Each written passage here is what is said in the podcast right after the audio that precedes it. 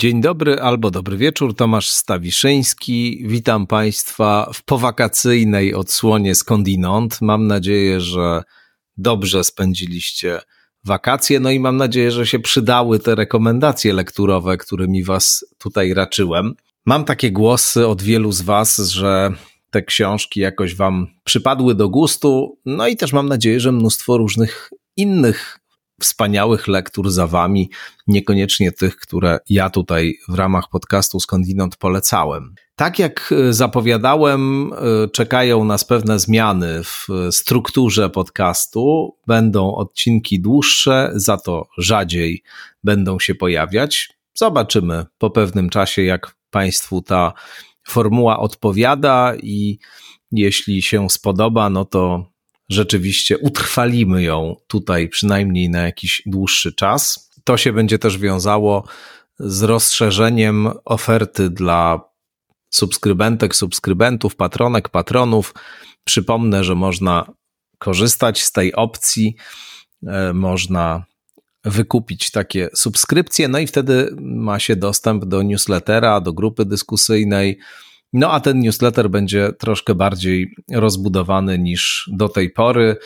E, będziemy też więcej miejsca poświęcać może na jakąś wymianę myśli e, wokół tematów związanych z poszczególnymi odcinkami. Ale o tym wszystkim szczegółowo jeszcze na pewno Państwa poinformuję e, w odpowiednim czasie o tych zmianach, o tych różnych modyfikacjach, no i o atrakcjach, które będą się systematycznie pojawiały. Tymczasem e, taki odcinek przed Wami dzisiaj, e, cokolwiek przejściowy pomiędzy jedną a drugą formułą, ale mam nadzieję, że ciekawy. Mam nadzieję też, że jakoś inspirujący.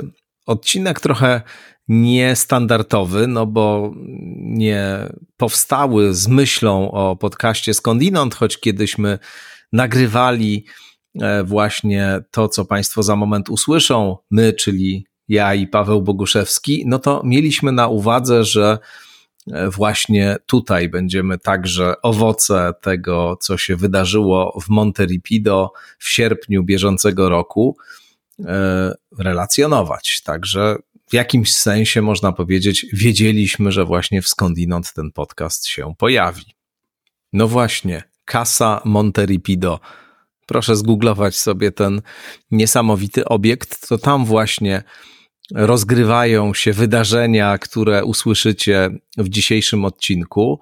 E, to jest miejsce w Perugii, w Umbrii we Włoszech, pod wieloma względami niezwykłe. No, po pierwsze, XV-wieczny klasztor, no więc rzecz już sama w sobie o pewnym ciężarze gatunkowym, jeśli można tak powiedzieć. Klasztor franciszkański, e, mieszczący także niezwykłą, piękną bibliotekę. W tej bibliotece właśnie zasiadaliśmy przez pięć dni z rzędu razem z Pawłem Boguszewskim i prowadziliśmy niezwykłą E, inicjatywę, czy raczej braliśmy udział w niezwykłej inicjatywie przed kilkoma laty zapoczątkowanej przez e, państwa Annę i Lecha Jeziornych.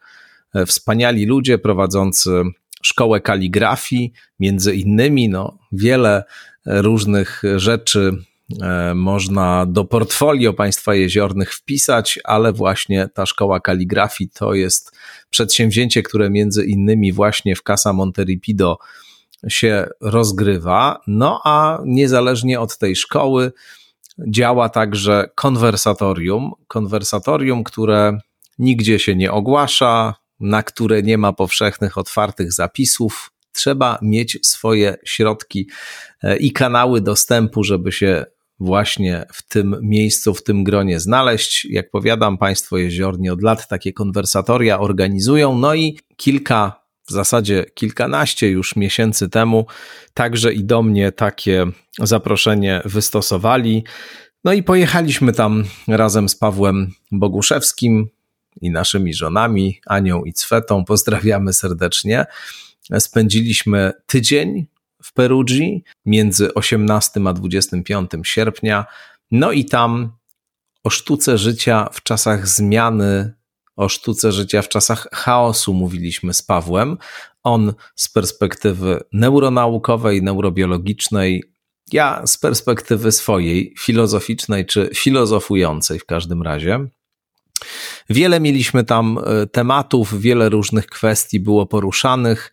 Oczywiście e, nie będę tutaj Państwu prezentował całości tych nagrań, już to dlatego, że no, to jest naprawdę sporo czasu, e, ze 20 godzin tego wszystkiego razem by się zebrało, no bo to 5 dni z rzędu, po 4 godziny, bite z małą przerwą na pyszną kawę, ale jednak e, przyznacie, że choć myślę o tym, żeby tutaj prezentować dłuższe odcinki, no to jednak nie aż tak długie.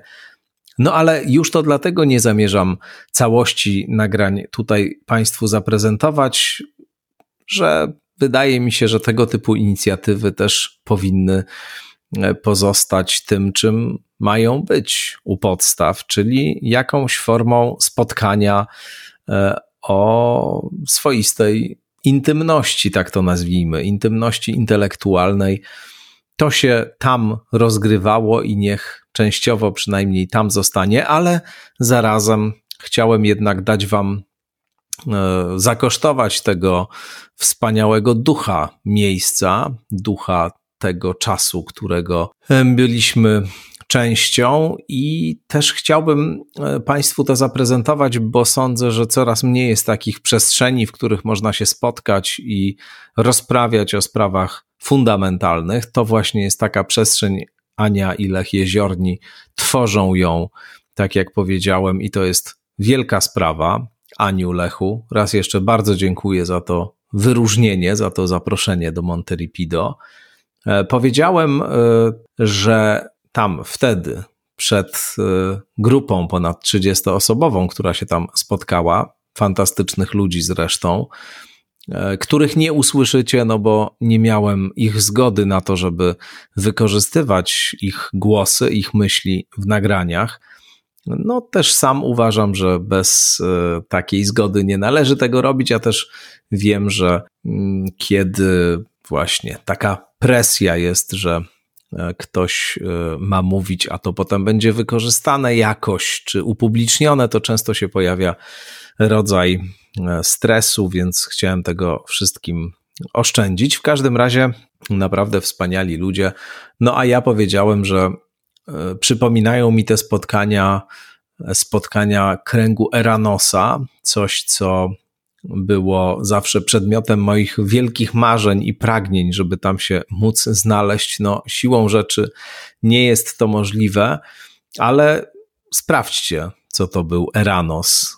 Cóż to za spotkania w Szwajcarii się odbywające przez wiele lat.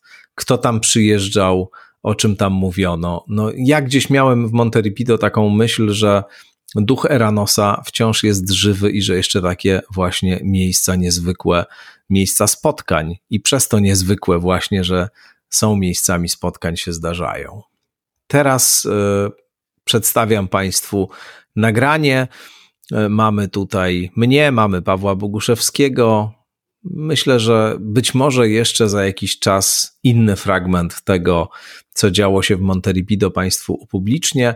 No ale mam nadzieję, że z jakimś e, pożytkiem, korzyścią, w sensie czysto pragmatycznym, e, będzie to dla Was, ale też mam nadzieję, że trochę poczujecie tego ducha miejsca, tego ducha spotkania. Jak powiadam, takie inicjatywy są wspaniałe i trzeba je kultywować. Ja się bardzo cieszę, że mogłem być tego częścią.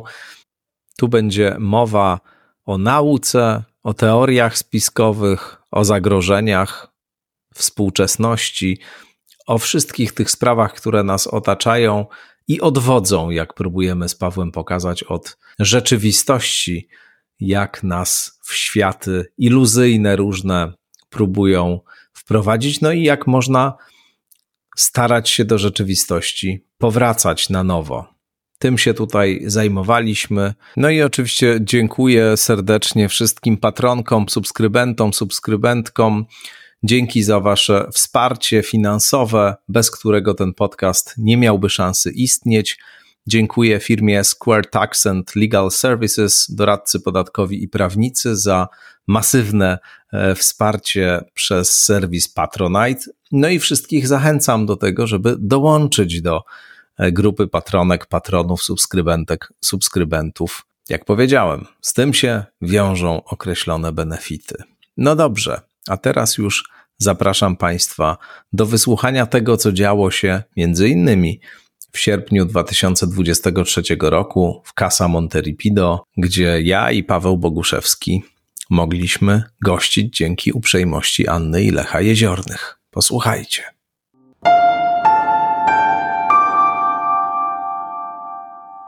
Możemy zaczynać?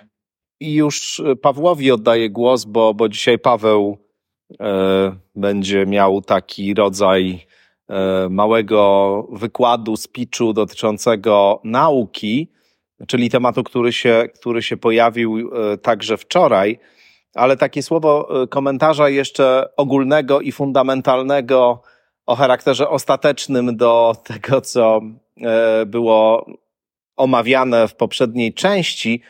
E, tylko chciałbym pewne nadzieje być może rozwiać, które się tutaj e, pojawiły. Nadzieję na to, że pojawią się jakieś odpowiedzi i recepty. Nie będzie recept, to mówię od razu, przynajmniej ja ich nie posiadam a wręcz uważam, że to oczekiwanie recept jest częścią problemu, z którym się mierzymy dzisiaj. To znaczy, mam wrażenie, że za dużo właśnie w nas jest oczekiwania, że pojawią się te recepty, odpowiedzi, a za mało uznania, że znaleźliśmy się w momencie, w którym nie ma recept właśnie i, i w którym nie da się w sposób prosty, łatwy E, sformułować jakichś środków zaradczych na różne kryzysy, w których się znajdujemy. Widzę to też jako realizację pewną tych pięciu, e, nazwijmy to antidotów czy, czy środków e, pomagających, czy będących odpowiedzią raczej na te różne zagrożenia, z którymi się mierzymy. Co nie znaczy, że nie istnieją długofalowe rozwiązania czy y, nie istnieją wyjścia z tej sytuacji, w której tu jesteśmy. One na pewno gdzieś są, ale myślę, że teraz naszym, tym, co możemy zrobić i co potencjalnie jest do zrobienia właśnie, to uważne przyjrzenie się temu, gdzie jesteśmy, jak, jaką drogą szliśmy, że się tu znaleźliśmy, a nie gdzieś indziej, przyjrzenie się temu, jak ta sytuacja wygląda i powściągnięcie swojej potrzeby e, otrzymywania recept właśnie i do tego Was też będziemy tutaj zachęcać e, w trakcie tych spotkań. Pawle. Dziękuję. E, no tutaj najpierw e, się odniosę do pierwszej części i bardzo nam się podoba ta formuła. To znaczy rzeczywiście chyba też i Państwu się podoba, że jest dyskusja, nie tylko wykłady, no bo my to perorować potrafimy, ja długo, a Tomek to już w ogóle. E, tak, wtedy robi te wszystkie transcendentne immanentności, immanentyzacje, tak. E, ale wydaje nam się, że dużo większa siła jest w tym, żeby, żebyśmy mogli właśnie na bieżąco dyskutować. Także jak ja teraz będę miał ten swój taki mały wstęp do metody naukowej, to też bardzo chętnie będę wybijany ze słowa poprzez pytania i inne, E, inne wtręty, bo to daje lepszą jakość. Dobrze, to zanim jeszcze przejdę do tej e, metody naukowej, to tu padło też w dyskusjach pytanie, a ta neuronauka i ten neuronaukowiec to w ogóle kto to jest? Co, co, co to w ogóle on, tak? E, więc może zacznę od tego właśnie, żeby jakby uściślić, dlaczego ja posługuję się czasami terminem neurobiolog, czasami neuronaukowiec. Mm, e, bo wydaje mi się, że jest to dosyć ważne. No i teraz tak, neuronauka dla mnie jest e, nowym sposobem tworzenia nauki. Tak? Ten stary to jest taki, jaki obserwujemy, kiedy idziemy gdzieś na jakiś szacowny uniwersytet, to tam wchodzimy na wydział, na wydziale mamy jakieś tam katedry, w katedrach mamy pracownie, pod pracowni mamy jakiegoś tam jedną, dwie czy cztery osoby i oni zajmują się jakimś tam drobnym wycinkiem tej rzeczywistości, która rzeczywiście ich zaprowadziła poprzez, poprzez tą całą strukturę. E, I to jest metoda tradycyjna, czyli kończymy na przykład, no nie wiem, w katedrze e, badania obrazów barokowych e, z tego i tego wieku, tego i tego twórcy i koniec. Tak? Nie, wy, nie wychodzimy, nie łączymy, chyba że jest to bardzo konieczne. Natomiast w przypadku neuronauki zorientowano się, że jeżeli postawimy sobie, według mnie absolutnie najbardziej fundamentalne pytanie, jak to jest, że tkanka biologiczna, produkt ewolucji, te kilo 400 szarej krwawego kisielu, tak, budyniu, tworzy człowieka, tak, tutaj zwykle mam taki wykład wstępny, gdzie akurat używam projektora, więc wtedy Mm, każe przymknąć wrażliwcom oko, bo mam taki właśnie bardzo ciekawy fragment, gdzie pani neuropatolog jak gdyby ma świeżuteńko wyjęty mózg e, z, z osoby, która już tego mózgu nie potrzebowała, e, jeszcze nie utrwalony i dokładnie no, pokazuje, jaka jest to konsystencja. Nie? Ona mówi, tu w tych rękach trzymam całe jego życie. Czyli wszystkie wiersze, wspomnienia z dzieciństwa, to, co się nauczył, języki, to wszystko jest w tych dłoniach, tak? Czyli dokładnie tym e, fundamentalnym pytaniem neuro, neuronauki jest to, jak to działa. Jak to działa? Jak to się dzieje, że ten twór biologiczny, naprawdę pospolity, no bo to 8 miliardów ludzi pomiędzy lewym i prawym uchem go ma, tworzy coś tak ciekawego i unikalnego. To jest, według mnie to jest najbardziej fundamentalne pytanie. Tak? E, co więcej, to jest pytanie, jedno z tych, które jest cały czas bez odpowiedzi. To było to, co mnie przyciągnęło do neuronauki. E, na początku swojej kariery myślałem, że pójdę w genetykę, ale akurat to był ten okres, kiedy ona miała taką lekką posłuchę, trochę tak jak fizyka obecnie. To znaczy niby była większość rzeczy wiadomych, teraz się okazuje, że większość rzeczy jednak nie widzieliśmy w genetyce, no ale jak gdyby wtedy, wtedy ta neurobiologia wydawała mi się dużo bardziej ciekawa i cały czas jest według mnie dużo bardziej ciekawa. Mm, e, natomiast zorientowano się, że nie da się tego robić w tradycyjnym modelu. Czyli, że sobie zrobimy katedrę biologii, wydział biologii, katedrę neurobiologii, wydział badania mózgu i tam będzie sobie ktoś siedział, nie wiem, kroił na plasterki ten mózg i badał, e, jak komórki się łączy.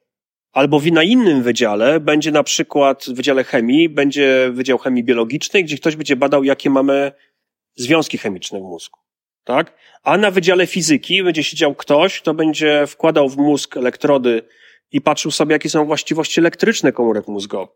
Tak? Że to w takim rozbiciu po prostu nie zadziała, ponieważ nie będzie odpowiedniego transferu wiedzy, nie będzie odpowiedniego transferu informacji. Mm, w związku z tym powstała ta koncepcja neuro, neuronauki, to znaczy każdy z każdej dziedziny, jeżeli może wnieść coś nowego do badania mózgu, to zapraszamy tak?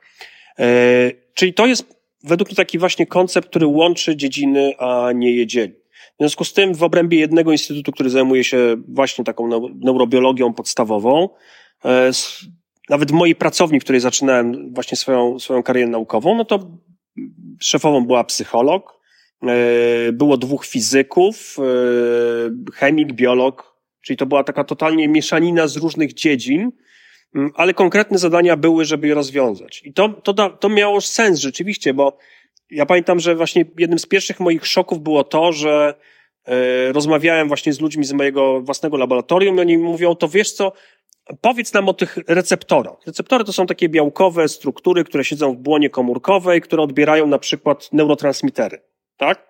I to byli fizycy, którzy byli doświadczeni w, w badaniu układu nerwowego, potrafili tam, nie wiem, rejestrować te impulsy. Oni wiedzieli, że są takie inne receptory, które akurat przewodzą te prądy, ale o tych, które dokładnie siedzą w tym samym mózgu, obok zaraz tamtych ich nich, nie, nie widzieli zupełnie nic, nie mieli zielonego pojęcia. Tak? Czyli to pokazywało, że ta neuronauka, ona musiała zbudować inną, inny taki zaczyn. To się rozbudowywuje cały czas. E, kiedy chyba te 15, nie, 17 lat temu właśnie miałem wybierać sobie e, już na staż podoktorski jakieś miejsce, to mm, aplikowałem do takich nowych instytutów, które się e, stworzyły w Niemczech, które miały mm, na celu stworzenie takich ośrodków neuroinformatycznych. To znaczy zrozumiano znowu, że nie jest do końca sensowne, że mamy biologów y, tu, czy tam neurobiologów, a tu informatyków, oni tam czasami się spotkają, coś se pogadają, bo z tego nic nie wynika, jest za mały przepływ informacji, tylko trzeba mieć jeden ośrodek, gdzie mamy, gdzie oni jedni i drudzy są uczeni nawzajem swoich kompetencji, bo wtedy dopiero mogą się dogadać, tak? Czyli, a tu głównie chodziło o to, że jeżeli na przykład zbieramy jakieś dane z, z eksperymentów elektrofizjologicznych, czyli dokładniej bierzemy skrawek mózgu, czy nawet cały mózg, wkładamy elektrodę, pobudzamy, zbieramy te informacje, to potem trzeba jakoś zrozumieć to, w jakiś sposób opracować, w jakiś sposób zrobić model matematyczny, jak to działa. E, no i to jest jakby ten nowy trend, czyli teraz robimy tę neuroinformatykę. Akurat w moim przypadku to były ośrodki niemieckie. Tutaj tak jak zwykle mamy ten, mówiliśmy o tych takich schematach poznawczych, że to się kojarzy z porządkiem, no to oczywiście zgubili moje papiery na trzy miesiące, także wylądowałem zupełnie gdzie indziej, ale całkiem nawet lepiej. Natomiast mm, pokazuje to, że ta neuronauka jest nowym konceptem. I wydaje mi się, że w wielu dziedzinach nauki tego typu, tego typu koncepty powstają, natomiast ta neuronauka jest najszerszy. Bo rzeczywiście tutaj mamy i filozofów, e, i, mm, e, i właśnie chemików, i inżynierów materiałowych, e, informatyków. To jest ogromny konglomerat wiedzy. Mm, i teraz, nawet jeżeli popatrzymy na takie doroczne zjazdy, jest taki największy zjazd neuronaukowców amerykańskiego stowarzyszenia e, Society for Neuroscience, no to tam przyjeżdża oczywiście zawsze tylko niewielka ilość tych reprezentantów, to jest parę procent, ale to jest około 40-50 tysięcy osób. Nie dorasta to wielkości jakimś tam zjazdom medycznym, ale kiedy się popatrzy na różnorodność prezentowanych e, publikacji, no to jest ona ogromna. Bo to tak jak mówię, to są od takich prostych rzeczy chemicznych, kończąc na e, właśnie jakichś filozoficznych rozważaniach, jak te sygnały przechodzą. Czyli tak naprawdę pełen konglomerat e, wiedzy o, o mózgu i pełny konglomerat wiedzy o człowieku. W związku z tym to jest ta neuronauka. To jest, e, to jest coś, co rzeczywiście, to pojęcie nawet samo neuronauka jeszcze te 20 lat temu zgrzytało mi w zębach. W sensie było taką nową mową, jakimś nowym terminem, ktoś coś sobie wymyślił.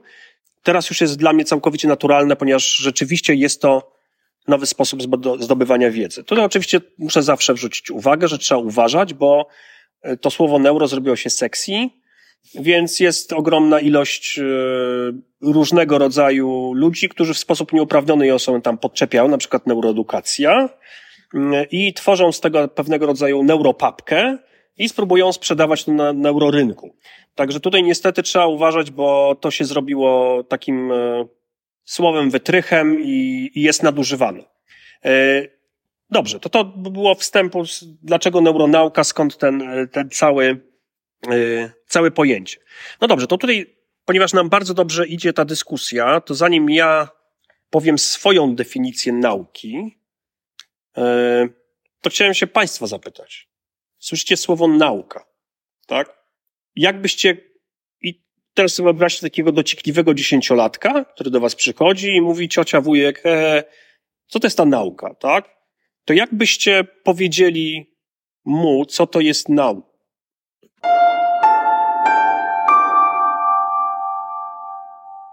Okej, okay, super.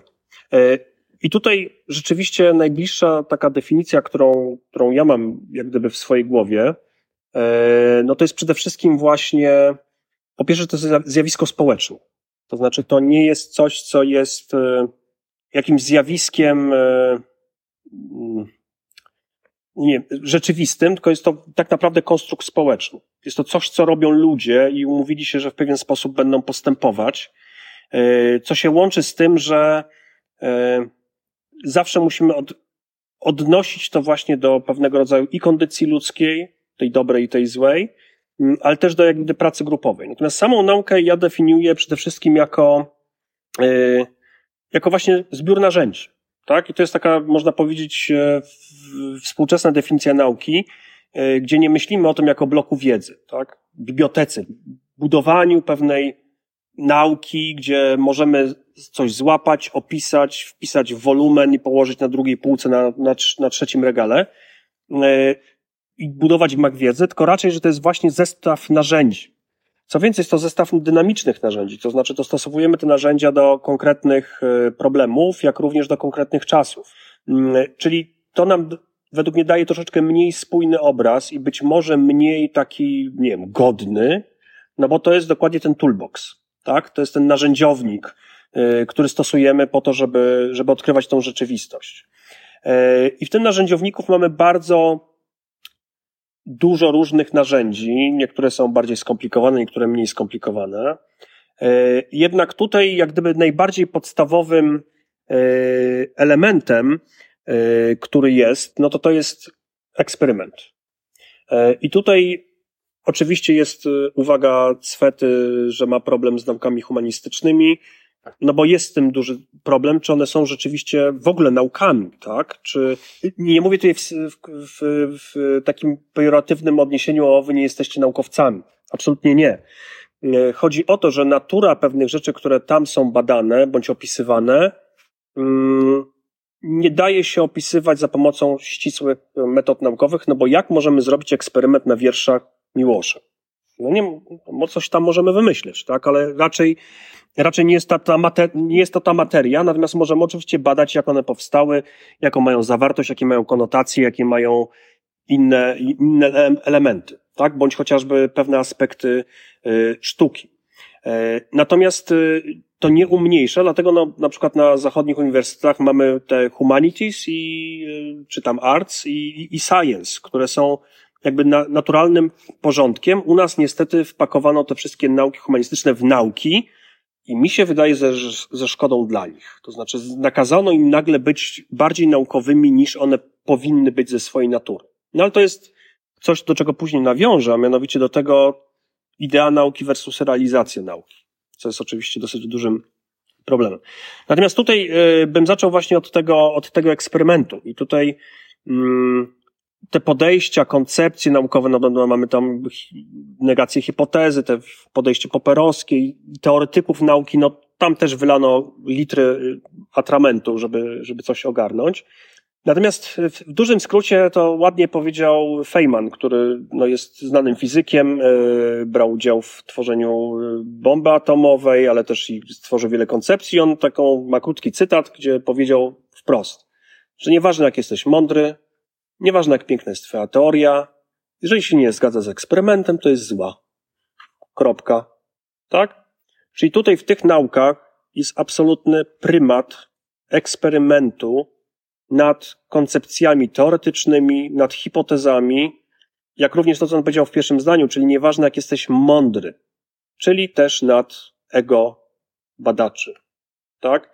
I tak naprawdę w tej krótkiej, w tej krótkiej sentencji się zawiera to, co my musimy, po co musimy dbać przy metodzie naukowej, żeby właśnie w odpowiedni sposób stosować metodologię, w odpowiedni sposób przygotowywać nasze eksperymenty, tak, żebyśmy nie zostali zwiedzeni przez jakieś e, teorie wysnute przez jakichś wspaniałych, wielkich badaczy, bo oni mogą być w totalnym błędzie. Ich teorie mogą być błędne, E, a my zawsze będziemy naciągali się tak, żeby je obronić albo je obalić. To nie ma sensu. Tutaj musimy się odnieść do rzeczywistości. W związku z tym te jego słowa odnoszą się do właśnie empirii, do eksperymentu, czyli w jaki sposób zaprojektować eksperyment, żebyśmy byli w stanie odpowiedzieć na pytania, pomijając ogromną ilość zakłócających rzeczy, które będą rzeczami systematycznymi, czyli takimi błędami, które wynikają na przykład z naszego chcieństwa, muszę zrobić doktorat, muszę go zrobić w trzy lata, musi mi wyjść eksperyment, więc ja tak bardzo będę chciał, że mi wyjdzie. Tak? Zdarza się. E, versus e, skontrolować pewne rzeczy, których nie jesteśmy w stanie kontrolować, czyli pewnego rodzaju naturalny rozrzut, e, czy to w pomiarowy, czy, czy, czy biologiczny. Czyli tak naprawdę my musimy dobrze zaprojektować ten eksperyment. I to jest jak gdyby taki, mm, najbardziej podstawowe, ja bym, ja bym to rzeczywiście, taki mam zwykle na wykład, bo tu nie mamy rzutnika, także nie pokazuję pewnych rzeczy, ale mam taki schemat kołowy, jak działa nauka, ona ma takie trzy kółka dookoła, e, kółko idei, kółko publikacji, kółko wyników, ale w samym środku siedzi eksperyment. To jest to, co jest rzeczywiście kwintesencją e, współczesnej, współczesnej nauki. I teraz podejście to eksperymentalne też się zmienia. Ono musi być dostosowane do konkretnych warunków danego, danego, danej dziedziny, czy danego, danego konkretnego pytania, jakie zadajemy. Ale zwykle składa się z tego, że przed przystąpieniem do eksperymentu musimy wiedzieć, o co pytamy. Co nie jest tak ortodoksyjne. No mamy tą taką podstawową strukturę, gdzie tworzymy sobie hipotezę, czyli mówimy, OK, jak brzmi, to będzie padać. Tak? I według tej takiej tradycyjnej podejścia musimy tak naprawdę badać hipotezę, zanegować ją, czyli jak nie grzmi, to nie będzie padać. Czyli robimy pewnego rodzaju odwrotność i potem ustawiamy pewien eksperyment czy obserwację, która ma nam dać efekty tego działania. To jest takie tradycyjne podejście właśnie z, tym, z tą hipotezą, e, negacją hipotezy, natomiast e, ono też się zmienia. To znaczy, jest duża część badań, które mówią, że podejście z wyjściem z hipotezy nakierowywuje nas pe na pewną klasę zjawisk, tak? Znaczy, szukając odpowiedzi na hipotezę, możemy nie zauważyć danych, które są obok, które machają rączkami, ale my ich nie chcemy widzieć, ponieważ my szukamy odpowiedzi na nasze zadane pytanie. Nasze zadane pytanie wynika nie z natury, którą badamy, tylko wynika z naszej poprzedniej wiedzy. Więc e, też to była debata, czy na przykład mamy prawo stosować tak zwane podejście eksploracyjne, czyli projektuję eksperyment, gdzie nie wiem, jak coś się dzieje, nie, nie wysnuwam hipotez, jak coś się stanie, jak się potoczą moje yy, koleje mojego eksperymentu, po prostu zobaczmy, jak coś wyjdzie, a potem z tego wyekstruhujmy, czy jest ewentualnie coś na rzecz, tak? Czyli tutaj to podejście yy, ze ścisłą, yy, ze ścisłą hipotezą versus eksploracja jest czymś, co tak naprawdę dostosowujemy do pewnych, do pewnych badań. I teraz już na to jest przyzwolenie, to znaczy stosujemy wtedy na przykład troszeczkę inne metody statystyczne, o których jeszcze powiem. E, nie za dużo, bo to zwykle jak mówię słowo statystyka, to, za, to ludzie zaczynają się powoli cofać i szukać drogi ucieczki. Wtedy zwykle przed mówieniem statystyka zamykam drzwi. E, e, natomiast e, niesłusznie, bo to statystyka jest, jest ogromnie ważną, ważną dziedziną. Natomiast wtedy mamy konkretne metodologie, które potrafią nam jak gdyby mm, nas wspomóc zarówno w tych badaniach opartych o sztywną hipotezę i testowanie pojedynczej hipotezy, jak i właśnie takich badań eksploracyjnych. Następnie przy takim eksperymencie mm, ogromnie ważną rzeczą jest metodologia. E, do tego jeszcze nawiążę w, w tej części publikacyjnej, bo jest to coś, coś ważnego, ale to jest coś, co czasami jest pomijane, czasami jest uznawane za tą nudną część. E, kiedy czyta się publikacje naukowe, to niektórzy nigdy nie sięgają po sekcję metod. Ja od niej zaczynam. E, a czemu? Dlatego, że jeżeli ktoś używa złych narzędzi do badania czegoś, to nie ma sensu czytać całej reszty. Tak?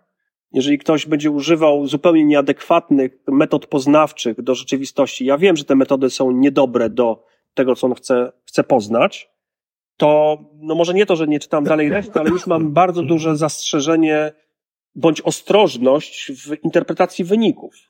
E, najprostsza sprawa, tak? Mm, ja akurat mój, można powiedzieć, taki głęboki background to są właśnie badania tak zwanej fazy przedklinicznej, czyli badania na zwierzętach, gdzie na przykład badamy mm, e, substancje, czy mogą być przeciwdepresyjne, czy przeciwlękowe. E, I są różnego rodzaju testy, i na przykład e, większość testów obecnie przechodzi się z, ze szczurów, które są większe, droższe i potrafią bardziej ugryźć, na myszy, które są mniejsze, mniej gryzą, ale są głupsze tak? Co więcej, niestety mają też inny tryb życia, zupełnie inny sposób działania w społeczeństwie. Szczury są bardzo stadne, myszy są bardziej terytorialne. Troszeczkę inne środowisko, wodne versus, ziemnowodne versus tylko ziemne, o czym większość badaczy starało się w jakiś sposób zapomnieć. Czyli na przykład pewien test zaprojektowany na szczury nie można przełożyć stuprocentowo na myszy, bez jakiejś bardzo długiej kalibracji bądź zmian, więc jeżeli jest publikacja, gdzie ja widzę, że test jest według mnie stosowany nieadekwatnie, to mam automatycznie duże podejrzenie, że efekty, które oni otrzymają, będą nie odpowiedzią, tylko artefaktem.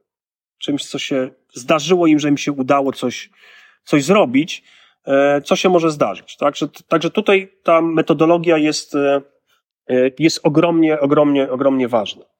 E, I to jest, następnie to jest oczywiście zbieranie wyników, czyli w ramach takiego eksperymentu musimy mieć jasno pokazane, co mierzymy, co zbieramy.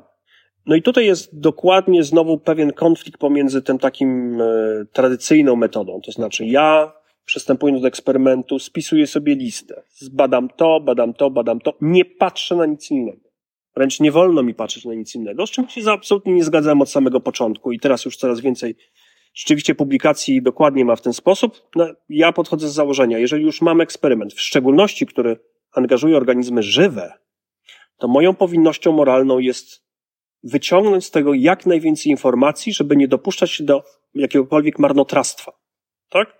Czyli jeżeli mogę zebrać dodatkowe parametry, yy, zmierzyć dodatkowe parametry, to absolutnie wszystko powinienem zrobić to, co się da, yy, tak, żeby móc to w odpowiedni sposób yy, opisać, zmagazynować i obecnie też udostępnić.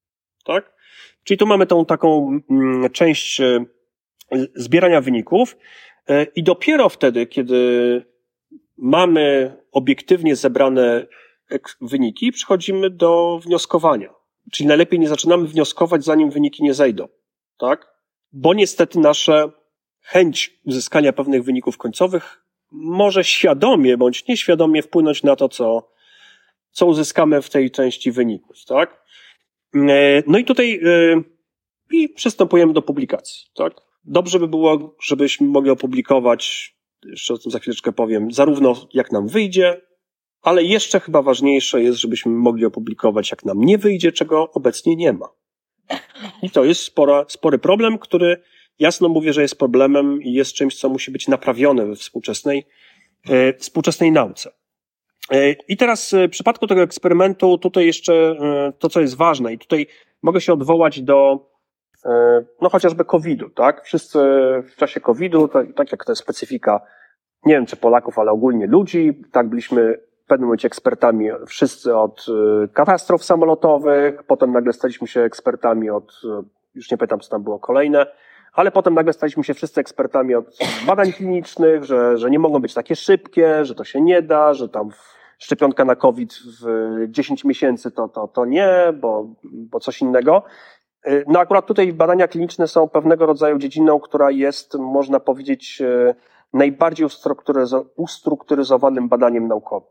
Naprawdę na takim najwyższym poziomie, e, z najwyższą taką dbałością o, o jawność, przejrzystość i czystość tego procesu, graniczącą z pewnego rodzaju ograniczaniem tego procesu, czyli na przykład już takie badania typu eksploracyjnego tam by się nie przeszły.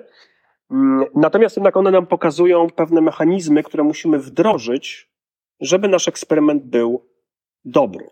Czyli chociażby na przykład pominięcie hmm, celowych niecelowych manipulacji przez badaczy. Bo musimy pamiętać, że nauka jest pewnego rodzaju ideą, ale jest stworzona przez ludzi, którzy są ułomni, zawistni, chciwi, wredni. E, no i tam cała litania jest, prawda, znam ją z naszego życia, prawda? E, więc, e, no oczywiście, no, no tak, no nie, nie wszyscy, ale wiadomo jest to, że ten 5% potrafi zepsuć 95% wrażenia, tak? E, więc tam są wdrażane pewne metody, jak chociażby to, żeby kiedy robimy eksperyment, wprowadzać tak zwane zaślepienie. To jest absolutnym standardem w przypadku badań klinicznych, to znaczy, e, że jeżeli prowadzimy eksperyment, e, to znaczy mamy pacjenta, któremu podajemy nowy lek versus pacjenta, któremu podajemy stary lek, bo w ten sposób są badania robione. Już nie robi się praktycznie versus placebo, tylko żeby pacjenci, ci, którzy są w badaniu, nie byli poszkodowani, ci, którzy nie dostają nowego, dostają po prostu starą, najlepszą metodę, to podwójne zaślepienie polega na tym, że pacjent nie wie, co bierze, tak? Czyli on nie może w tym momencie mieć poczucie, że okay, dostałem jakiś nowy, cudowny środek, to od razu jest mi lepiej, bo istnieją efekty placebo i nocebo, jak najbardziej, są opisane doskonale, znaczy może nie doskonale zbadane, ale są realne. E, jak również e, nie wie tego osoba, która bezpośrednio z lekarzem lekarz, który bezpośrednio z pacjentem współpracuje, tak? Bo jego nastawienie może mieć wpływ na to, co pacjent y, odczuwa. Nie zawsze się to da, bo czasami są techniki czy technologie, które nie pozwalają na tego typu zaślepienie, ale jeżeli jest taka możliwość, to tak zwane podwójna ślepa próba jest, e, jest czymś, co jest stosowane. Nawet się stosuje tak zwane potrójne zaślepienie, to znaczy osoba, która potem te odbiera dane dane analizuje, też nie wie tak naprawdę, jaką grupę analizuje.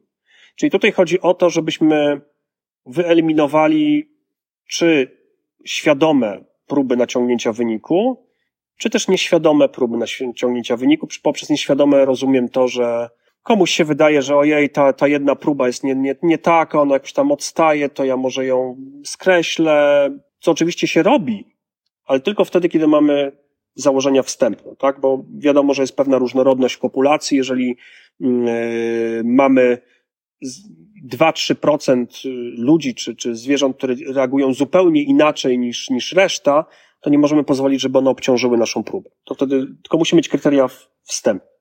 Okej. Okay. E, czyli to zaślepienie, które pozwala nam jak gdyby e, wyłączyć e, element pewnego rodzaju intencjonalnej i nieintencjonalnego zmiany danych. Nie, nie oszustwa, tylko zmiany danych. Tutaj bardzo ważne jest to, że w przypadku projektowania eksperymentu musimy bardzo dbać o to, jaką próbę badamy. I tu dochodzimy do tej statystyki, bo statystyka nie jest czymś, co ma nam spędzać sens powiek na studiach jako przedmiot, tylko jest to fantastyczne narzędzie, które pozwala nam określić prawdopodobieństwo realności naszej odpowiedzi. Tak? Statystyka jest czymś, co nam pozwala odpowiedzieć na pytanie, czyli jeżeli zrobię sobie eksperyment, mały, ograniczony na niewielkiej ilości zwierząt czy ludzi, czy ja odpowiadam na pytanie w tej małej grupie, czy ja mogę dokonać generalizacji na całą populację? Czy ja mam prawo wyjść, na przykład stwierdzić, że miałem tysiąc osób w badaniu, lek działał, czy to jest rzeczywiście coś, co jest artefaktem, czy pewnego rodzaju fałszywą odpowiedzią, czy de facto jest to prawdziwa odpowiedź i ten lek będzie działał na milionach ludzi. I tutaj nam właśnie przychodzi e, z pomocą statystyka, której ma ogromną, znowu to jest wielkie pudełko z narzędziami, te narzędzia są od takich prostych młotków, jak na przykład, nie wiem, test studenta, czy, czy jakiś test prostych rozkładów, po bardzo skomplikowane modele wielowymiarowe oparte o, nie wiem, sztuczną inteligencję, czy tam modele Bayesowskie i wiele innych rzeczy, które pozwalają nam dokładnie tak naprawdę odpowiedzieć na jedno pytanie. Czy ja potrafię przełożyć mój mały eksperyment, moje małe wyniki na szeroką populację i z jaką dozą prawdopodobieństwa? Tak? jak również wiele innych dodatkowych elementów typu mm, czy próba, na której to będę robił, czyli na przykład czy wybór pacjentów, których wziąłem do badania, czy, czy, czy wybór szczurów, które wziąłem do badania, czy jest odpowiednio liczebny, czy, mm, czy jest odpowiednio reprezentatywny yy, i wiele innych rzeczy. No, na to nam odpowiada statystyka. I tutaj mm, tradyc- znaczy najlepszą metodą, kiedy przygotowujemy się do eksperymentu, to jest to, że te wszystkie rzeczy musimy przygotować sobie przed. Tak, czyli tak naprawdę przed eksperymentem powinien powiedzieć, OK, będę badał, tu sobie wyliczyłem, że potrzebuję mieć, nie wiem, 50 osobników, tam po 10 w grupie, na 5 grup, e, a nie 12 na, na grupę. E, będę porównywał to i to, taką i taką metodą. E, najczęściej to się kończy oczywiście w ten sposób, że ktoś ma jakieś wyniki, mówi, nie wychodzi mi test. Tak? Założyłem sobie test jakiś statystyczny, ja tam widzę, że jest mała różnica, ale test mówi, jest różnica, ale ona nie jest istotna, więc do kosza, to poszukam innego testu. Takiego, jaki mi wyjdzie. Tak? No to jest oczywiście zła praktyka, natomiast yy, no też to wynika z pewnego rodzaju czasami takiej sztywności, bo tak jak mówię, ja jestem, ja mam podejście takie troszeczkę mniej sztywne, znaczy uważam, że eksploracja danych jest ogromnie ważna, bo w tych danych to, że mi nie wychodzi istotność statystyczna, może być A. Tam nic nie działa i koniec. Odczep się od tego. B. Tam masz coś ciekawego. A być może na przykład 10% ludzi ma jakąś kondycję, układ genetyczny, yy, dodatkowe cechy, które powodują, że lek super u nich działa, a u 90% nie działa. Czy wyrzucić do kosza? Nie. Sprawdzić, co jest takiego u tych 10%, bo mamy lek nowy na 10% przypadków, super, tak? Więc to jest też pewnego rodzaju tutaj, yy, wprawdzie te metody powinny być znane wcześniej, ale musimy mieć pewnego rodzaju otwartość, żeby dokładnie nie wylewać dziecka z kąpielą, bo musimy pamiętać, że ta różnorodność, ona może wynikać z takiego naturalnego chaosu, czyli pewnego rozkładu, ale ona może też wynikać właśnie, może być taką różnorodnością systematyczną, czyli mamy pewną populację, która ma jakąś, nie wiem, kombinację genów, która powoduje u nich wrażliwość na, na ten czynnik i być może drążenie głębiej w tym nam odkryje jakieś prawdy natury. Okej, okay, czyli to by było to, czyli ten eksperyment, wnioskowanie, no i to jest jak gdyby ten, według mnie ta kwintesencja, czyli ten eksperyment, dobrze zaprojektowany eksperyment, dobrze zaślepiony, zabezpieczony przed, naszymi, mm, naszym chcieństwem, e, obwarowany odpowiednią metodologią, metodologią pomiarową, statystyczną, doprowadza nas do wniosków, czyli te, tego, co nam mówi na samym końcu, poznałeś coś nowego na temat rzeczywistości. Poznałeś coś, coś nowego na temat y, człowieka, czy biologii, czy wszechświata.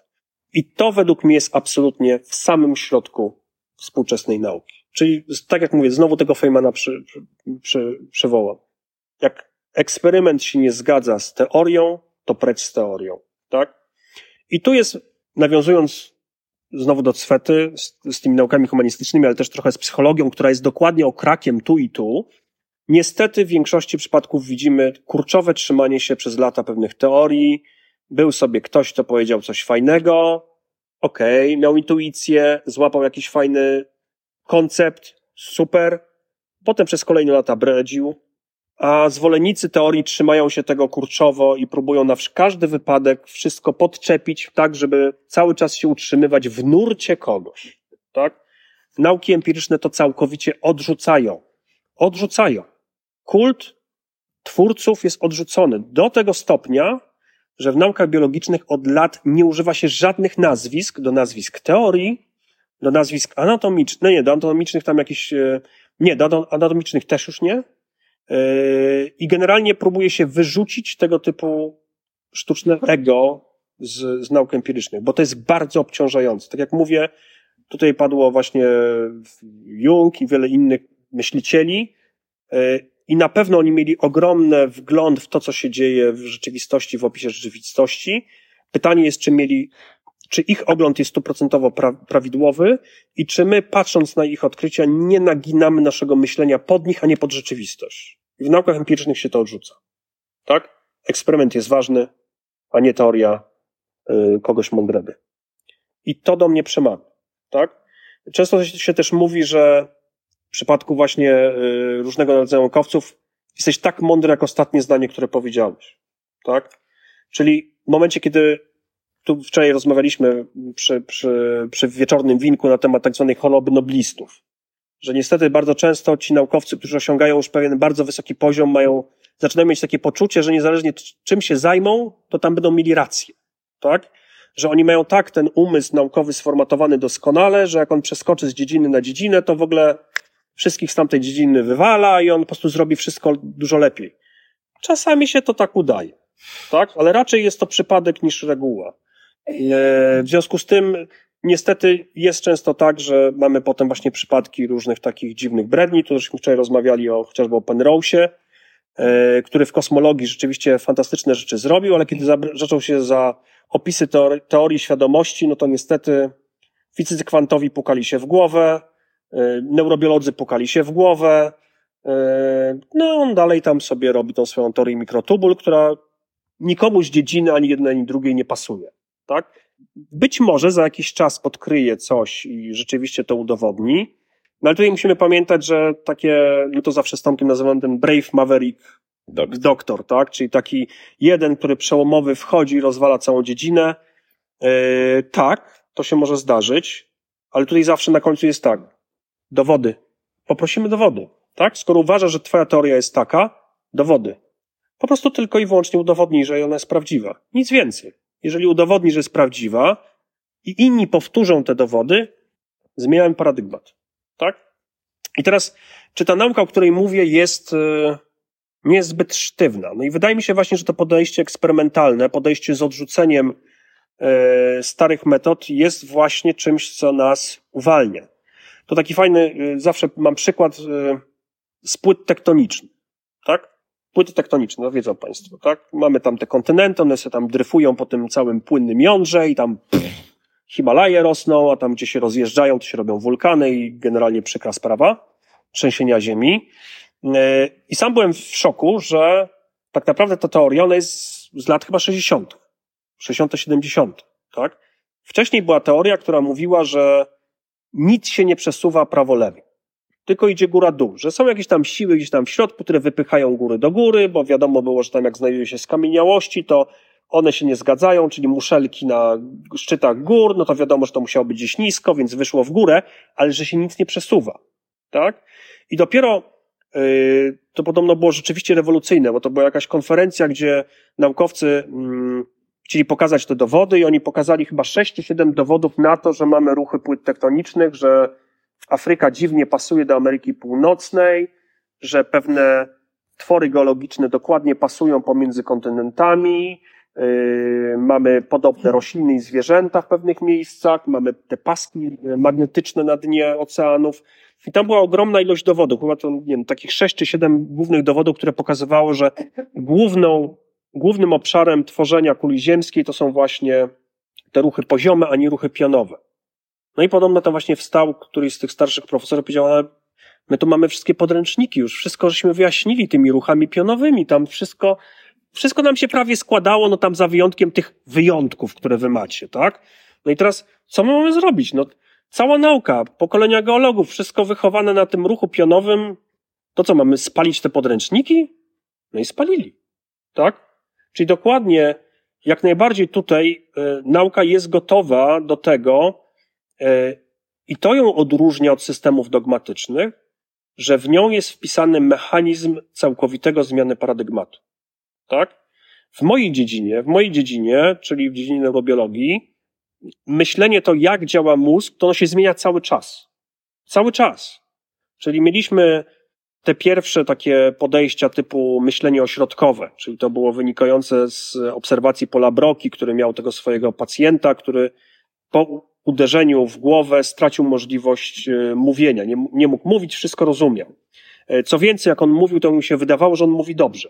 Natomiast to, co produkował, to było, to była taka sała, sylaby z siebie wyrzucał, natomiast on był przekonany, że mówi. E, no to były te stare czasy, kiedy nie można było wsadzić osoby w żaden skaner, czyli on musiał poczekać, aż pacjent już tego mózgu nie potrzebował i wtedy można było zbadać, gdzie tam mu się coś krzywda stała. E, no i wtedy powstał ten taki model ośrodkowy, że w tym miejscu jest miejsce mózgu, które jest odpowiedzialne za, za funkcję, tak?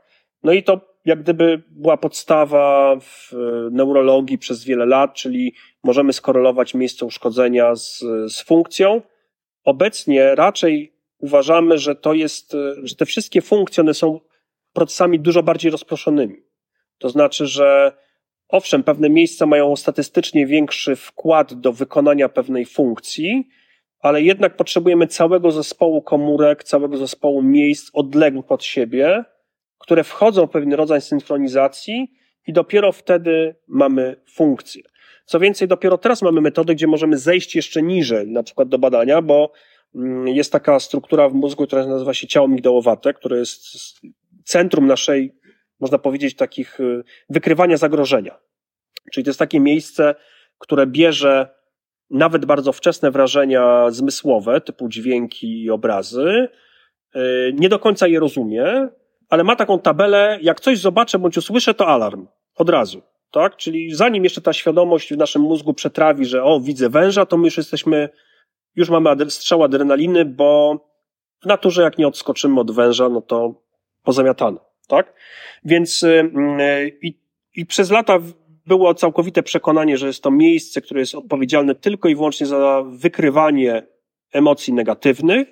Natomiast już teraz są badania, kiedy schodzimy troszeczkę niżej na poziom populacji komórkowej, które tam siedzą, że oczywiście te komórki, które wykrywają zagrożenie są najgłośniejsze, najliczniejsze, ale też na przykład ocena nagrody, która 10 lat temu w ogóle tam nie była wkładana, już teraz wiemy, że też tam są komórki odpowiedzialne za pewnego rodzaju oceny nagrody.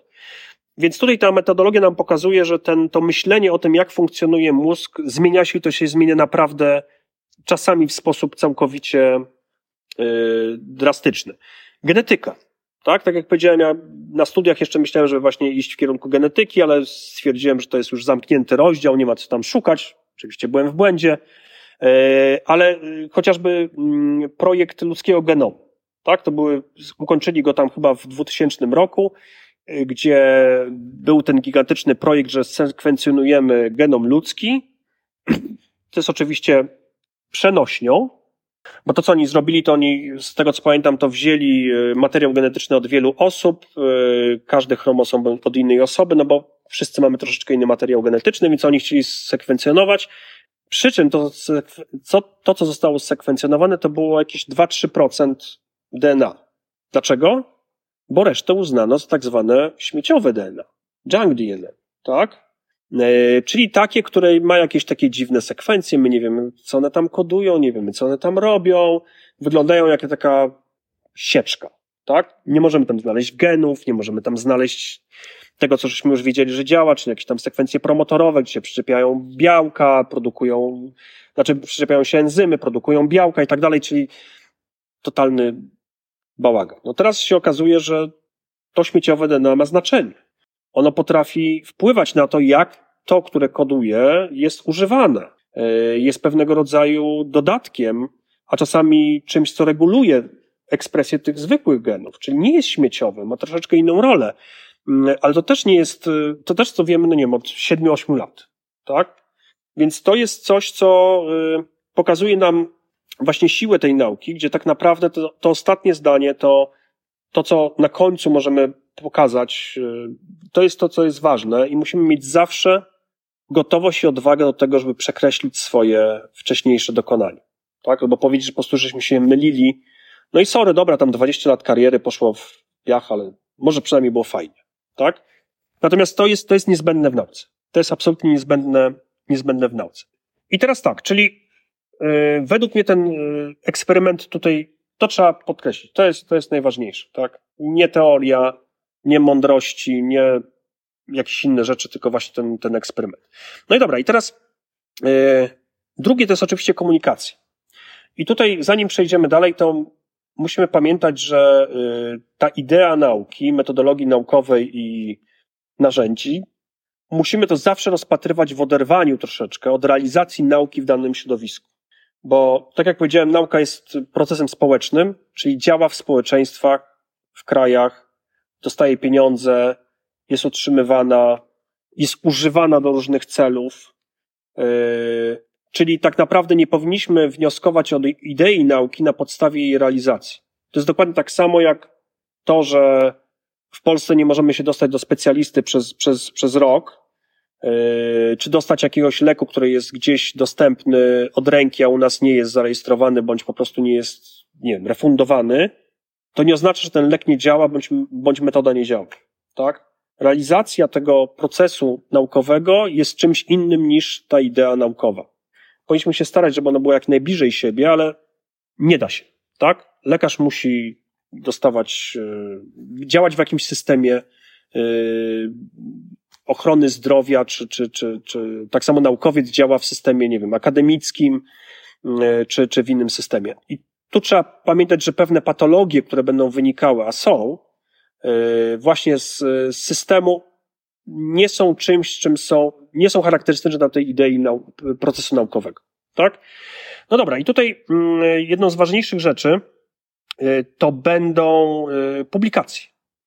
No bo teraz, kiedy ten naukowiec szczęśliwy skończył liczyć w swoim pięknym programie do liczenia i wyszło mu, że działa tak, że jest super tam nowa substancja, którą wyciągnął z jakiegoś tam listka jakiejś roślinki, e, leczy konkretną chorobę, to teraz co on ma z tym zrobić, tak? Jak, jak on ma ogłosić? No i tutaj e, od wielu, wielu lat e, podstawową formą komunikacji są publikacje. I teraz publikacje dosyć specyficzne. To znaczy, są to publikacje, które muszą przejść przez tak zwany proces peer review który jest takim, można powiedzieć, złotym standardem. Na czym to polega? To znaczy, to polega na tym, że mm, no to oczywiście już wkraczamy w taki zakres pewnej patologii, o którym zaraz wyjaśnię, ale zanim wyjaśnię, to, to powiem, są czasopisma, e, czyli na przykład grupa naukowców zajmująca się pewną dziedziną. Mówi, posłuchajcie, no musimy w jakiś sposób komunikować nasze odkrycia, super, to się zgadzamy, dobra, tworzymy czasopismo, dobra, jest czasopismo, yy, no i teraz jak my będziemy wiedzieli, czy ktoś nie pisze bzdur, tak? Jak przyjmujemy artykuły do takiego czasopisma? No i wymyślono tak zwany mm, mechanizm peer review, czyli recenzja poprzez równych. Czyli jest grono y, ludzi, którzy znają się na, tym, na tej dziedzinie, y, wiedzą o czym pisze autor, wiedzą czego się można spodziewać, znają metody i oni oceniają, czy dany artykuł nadaje się do publikacji. Tak? Peer review. Peer review. Mhm. Y, ten model ma wiele różnych obliczy, ponieważ są tak zwane peer review gdzie na przykład psychologii się z tym spotkałem, to było dosyć e, ciekawe, gdzie wysyłając artykuł, e, redaktor, który się zajmuje takim, e, takim artykułem, wyciąga nazwiska autorów, wyrzuca. Czyli recenzent nie wie, kto to napisał. Takie pewnego rodzaju zaślepienie. W wielu dziedzinach jest to oczywiście fikcyjne, bo jak jest nieduże, nieduży, nieduży temat, no to większość ludzi się zna, można po cytacjach się zorientować, kto to pisał, bo wrzuca najpierw swoje artykuły w dużej ilości, tak. E, ale okej, okay, ale jest to pewnego rodzaju metoda. E, jest to też taka, mm, e, no i zwykle te recenzje służą tylko i wyłącznie redaktorowi, który przyjął taki artykuł do podjęcia decyzji. Puszczać, nie puszczać, tak? W, nowoczesnej, e, w nowoczesnych publikacjach to coraz częściej jest to w ten sposób robione też, że na przykład jak mamy dwóch recenzentów, jeden powie tak, drugi nie, to się wysyła do trzeciego. E, I teraz też w czasopismach e, robi się całkowicie odkryte te recenzje. Znaczy po opublikowaniu artykuł jest publikowany plus recenzje, czyli dokładnie ta cała dyskusja z recenzentami, którzy mówią na przykład, posłuchaj, widzę, że jest ok, podoba mi się twój artykuł, ale zrób to i to. Jeszcze. Tak? Albo e, nie podoba mi się ten artykuł, jak nie poprawisz tego i tego, to, to nie będzie opublikowany. E, I teraz są właśnie czasopisma, które dokładnie publikują cały ten proces e, dyskusji. Uważam, że to jest bardzo dobre, ponieważ taki wewnętrzny joke jest tak zwany wredny recenzent numer dwa, który mówi, nie podoba mi się wszystko, weź spadaj. Tak? Dwa zdania recenzji i praca wieloletnia skasowana. Bo recenzent nie miał czasu, przysłali mu, bo tu muszę nadmienić, że recenzje są robione za darmo. Tak? Nikt nie płaci recenzentom za to, przynajmniej w tym modelu, co jest obecnie, za to, że recenzują, a zrobienie dobrej recenzji to jest kupa roboty. Tak? Bo to trzeba sprawdzić wszystkie elementy y, publikacji. To jest parę ładnych dni y, roboty, za które redakcja nie płaci. Tak? Po to, żeby nie powstali tak zwani profesjonalni recenzenci, którzy wszystko wiedzą. E, także tutaj ten proces jest, jest, jest, jest jawny. No i teraz e, mm, taka publikacja, ona e, znowu, kiedy już przejdzie te, przez ten proces peer review, jest opublikowana i następnie możemy mieć różny dostęp do niej. No i to jest też, co tutaj mam całą taką stronę właśnie złe rzeczy i, i publikacje, do tego jeszcze do, i, i patologia, do czego jeszcze dojdziemy. Mm, no ale generalnie mamy dostęp bądź płatny, bądź bezpłatny tych artykułów, możemy z nich korzystać. Teraz się idzie w kierunku takim, żeby jednak wszystkie artykuły naukowe były bezpłatnie dostępne ja jestem absolutnie wszystkimi rękami i nogami za tym. E, dostępne bezpłatnie, czyli po prostu dla każdego. Każdy może wejść, na stronę i przeczytać taki artykuł. Nie, niekoniecznie może go zrozumieć, ale ma do niego dostęp, tak? E, więc to jest tutaj ten, e, ten dostęp. I to jest jakby metoda wymiany informacji naukowej. Nie jest nią książka. Książkę teraz potrafi napisać każdy. Wydać każdy. Tak? Możemy pójść do wydawnictwa, powiedzieć, posłuchaj, mam pieniądze, weź mi wydaj. Ja napiszę milion razy, nie lubię mi się uszatka. Tytuł ma być nie lubię mi się uszatka, wydaj tak? Wydadzą. Są lepsze i gorsze wydawnictwa. Są lepsze i gorsze, no, ale jeżeli chcemy wydać książkę, możemy. Tak, tak, tak. Natomiast no i tak wydawnictwo nie jest, y, nie robi jak gdyby recenzji merytorycznej zawartości, tak? Nie, no robi. Robi? Tak. Mają peer review? Nie no. Robi? Mają, mają, tak. Tak? Tak.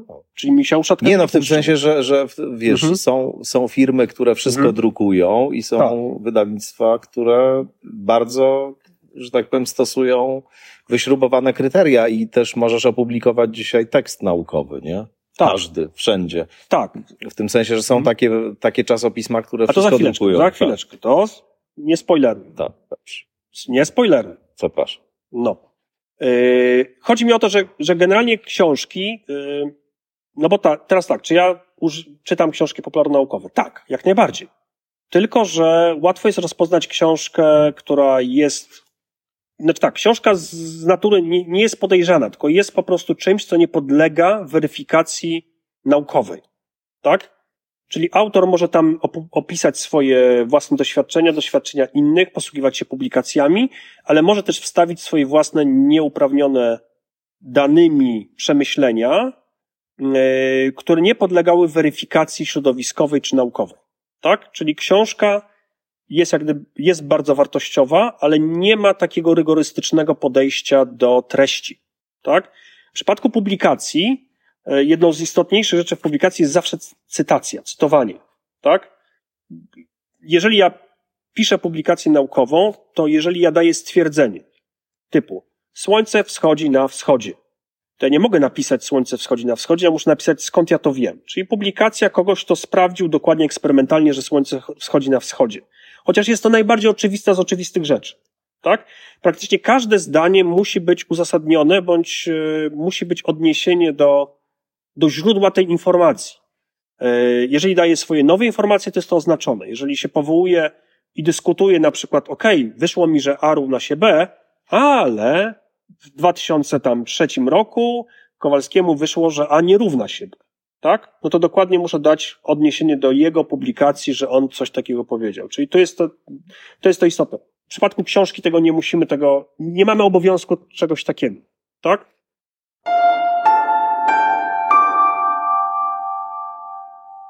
Da się w pewnym sensie, bo y, można to zrobić tam małymi odnośnikami cyfrowymi i zwykle dobre książki popularnaukowe mają te odnośniki. Tak? Tak, tak, tak, tak. To są, to są różne metody, ale, ale generalnie nawet jeżeli mamy w takiej książce niedużą ilość, ale takich przepisów, które do, do grubszych tez się odnoszą, to daje nam to bezpieczność, tak? Bo, bo oczywiście nie każde zdanie, natomiast chodzi mi o to, że jest powołanie się na źródła, a nie takie gdybanie sobie znikąd, tak? Bo kiedyś gdzieś coś przeczytałem, a potem się okazuje, że tak przeczytałem, tylko że to było zupełnie w drugą stronę, tak? E, Zresztą te cytacje są też e, niestety przedmiotem e, nadużywania, tak? No bo w, taka mieć publikację to jest fajnie, z tytułem jest fajnie, ale czasami jak się pogrzebie, to się okazuje potem, że, że te cytacje czy publikacje nie są to takie ciekawe. Na przykład y, y, jest taka o, metoda Tomatisa, która była taka popularna, że tam się puszcza y, dźwięki Mozarta dzieciom, im się poprawia coś tam, poprawia im się coś tam. Na stronie 300 publikacji, które to potwierdzają. No kiedyś poświęciłem tam parę godzin na przejrzenie tych wszystkich publikacji. Z tych 300 to może 30 miało charakter troszkę naukowy, e, z czego to były takie niemalże artykuły na zamówienie.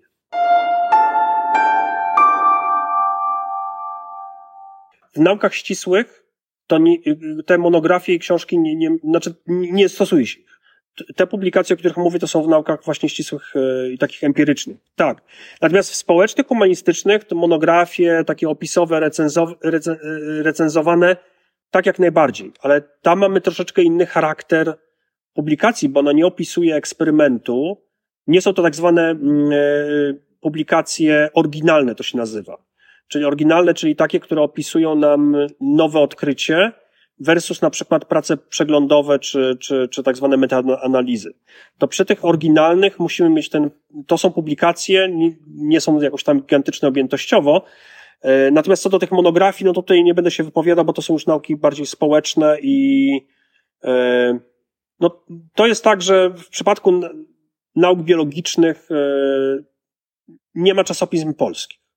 To znaczy czasopisma polskie są z recenzentami zagranicznymi i artykuły są z zagranicy. Nawet y, takie czasopismo, które jest u nas wydawane w, w instytucie, ono ma pół na pół, nawet nie, chyba trzy czwarte właśnie autorów z zagranicy, plus też do recenzji wysyłamy mm, do autorów zagranicznych e, z, z dziedziny. Natomiast zwykle w przypadku takich właśnie monografii lokalnych, to zwykle to są po prostu ludzie z bardzo małego środowiska. To nie zawsze dobrze działa, bo osoba, która jest recenzowana, wie, kto ją recenzuje, tak? To powoduje pewnego rodzaju napięcia społeczne, tak?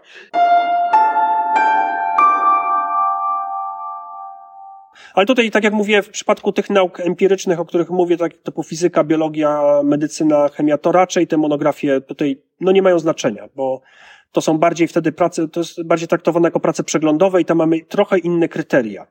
Jeszcze bardziej ostre. Tak?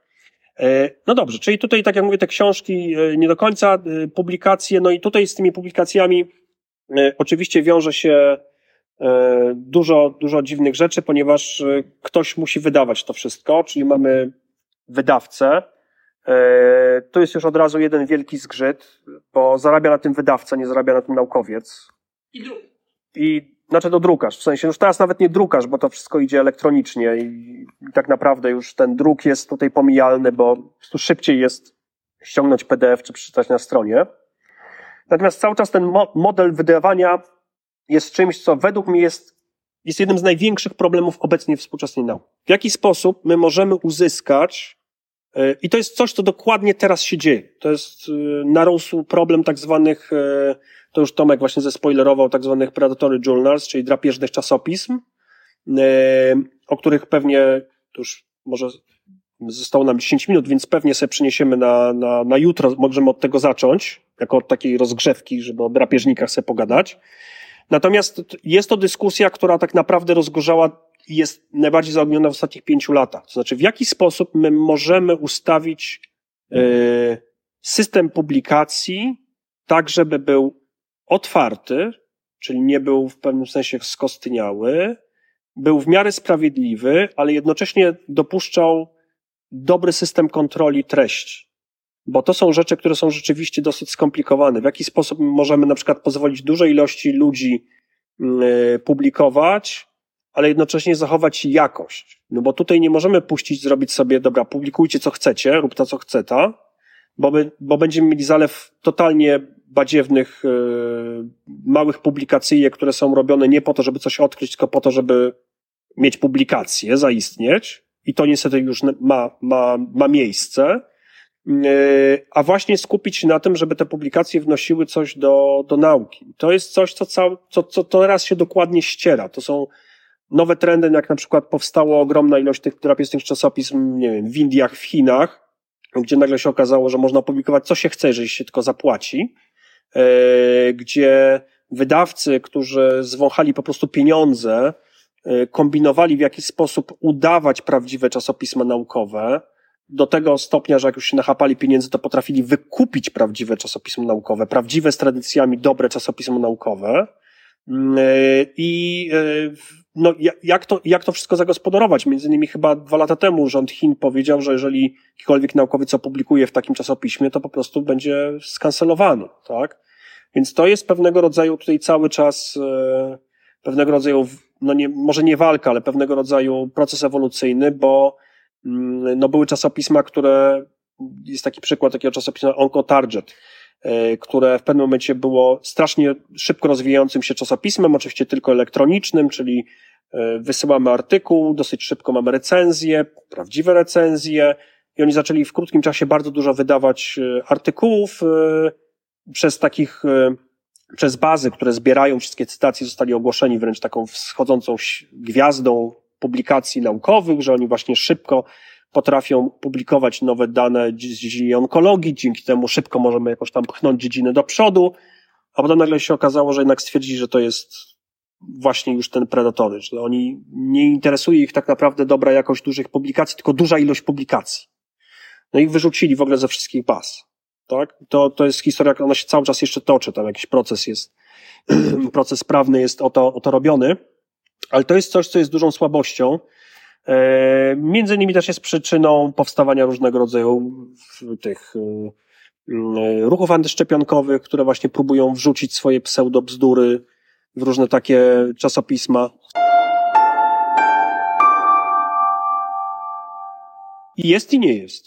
W takim sensie jest, ponieważ to, co powinno być podstawą metody naukowej, a nie jest, jest podstawą ze względów teoretycznych, a nie jest ze względu na uwarunkowania socjalne, czyli powtarzalność eksperymentu, to to jest dokładnie metoda weryfikacji. Każdy eksperyment powinien być powtórzony w takich samych warunkach, jakich był przez inne zespoły, jak również zweryfikowany i powtórzony przez, w innych warunkach, podobnych warunkach.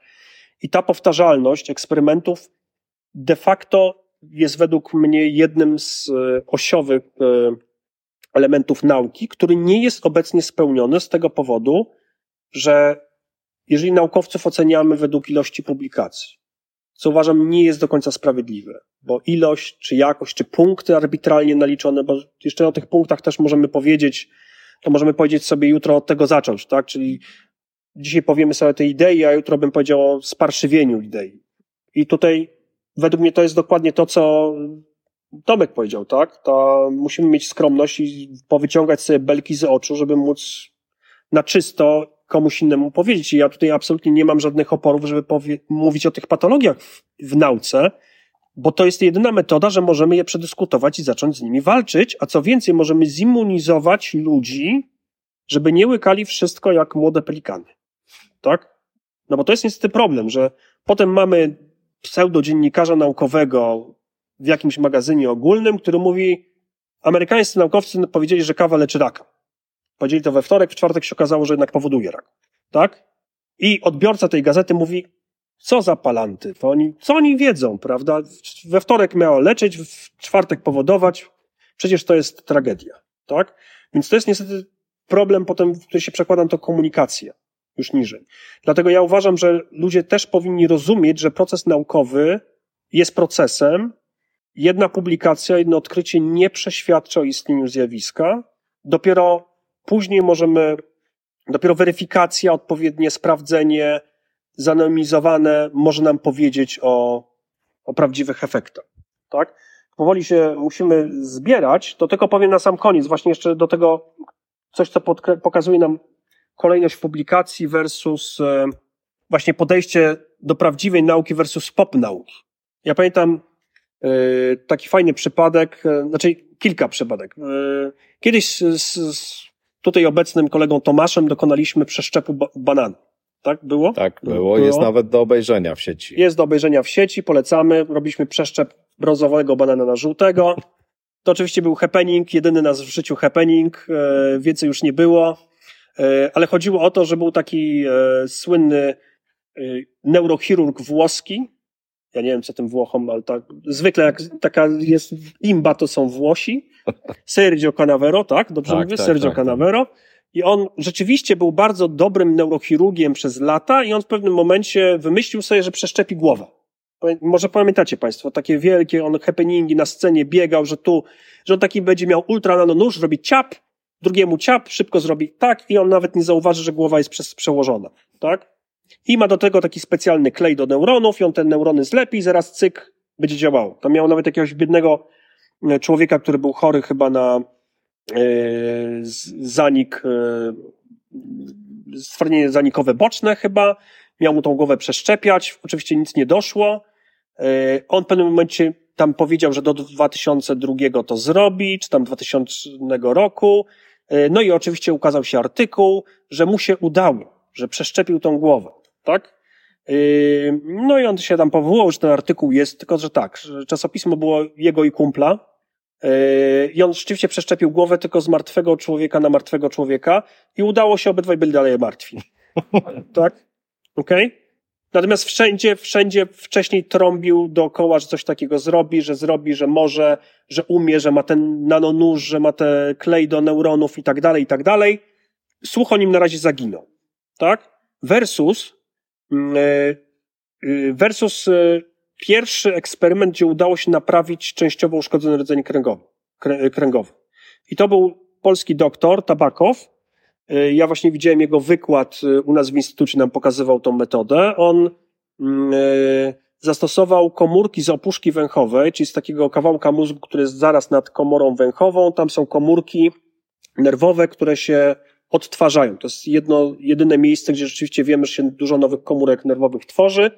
One się niespecjalnie nadają do czegoś innego, czyli nie nadają się do regeneracji, natomiast on wymyślił, że tam są takie komórki które pomagają im, bo te komórki, one odtwarzają nam nabłonek węchowy, tak? Nasz nabłonek się wymienia co tam co kilkadziesiąt dni, więc te neurony muszą wyjść z tej opuszki, iść do, do tam, gdzie wąchamy, wytworzyć sobie aksoniki, połączyć się, przez jakiś czas funkcjonować, a potem umrzeć. I tam są komórki, które im w tym pomagają. I pomyślał sobie, to może ja wezmę te komórki, co im pomagają i spróbuję to zastosować w rdzeniu.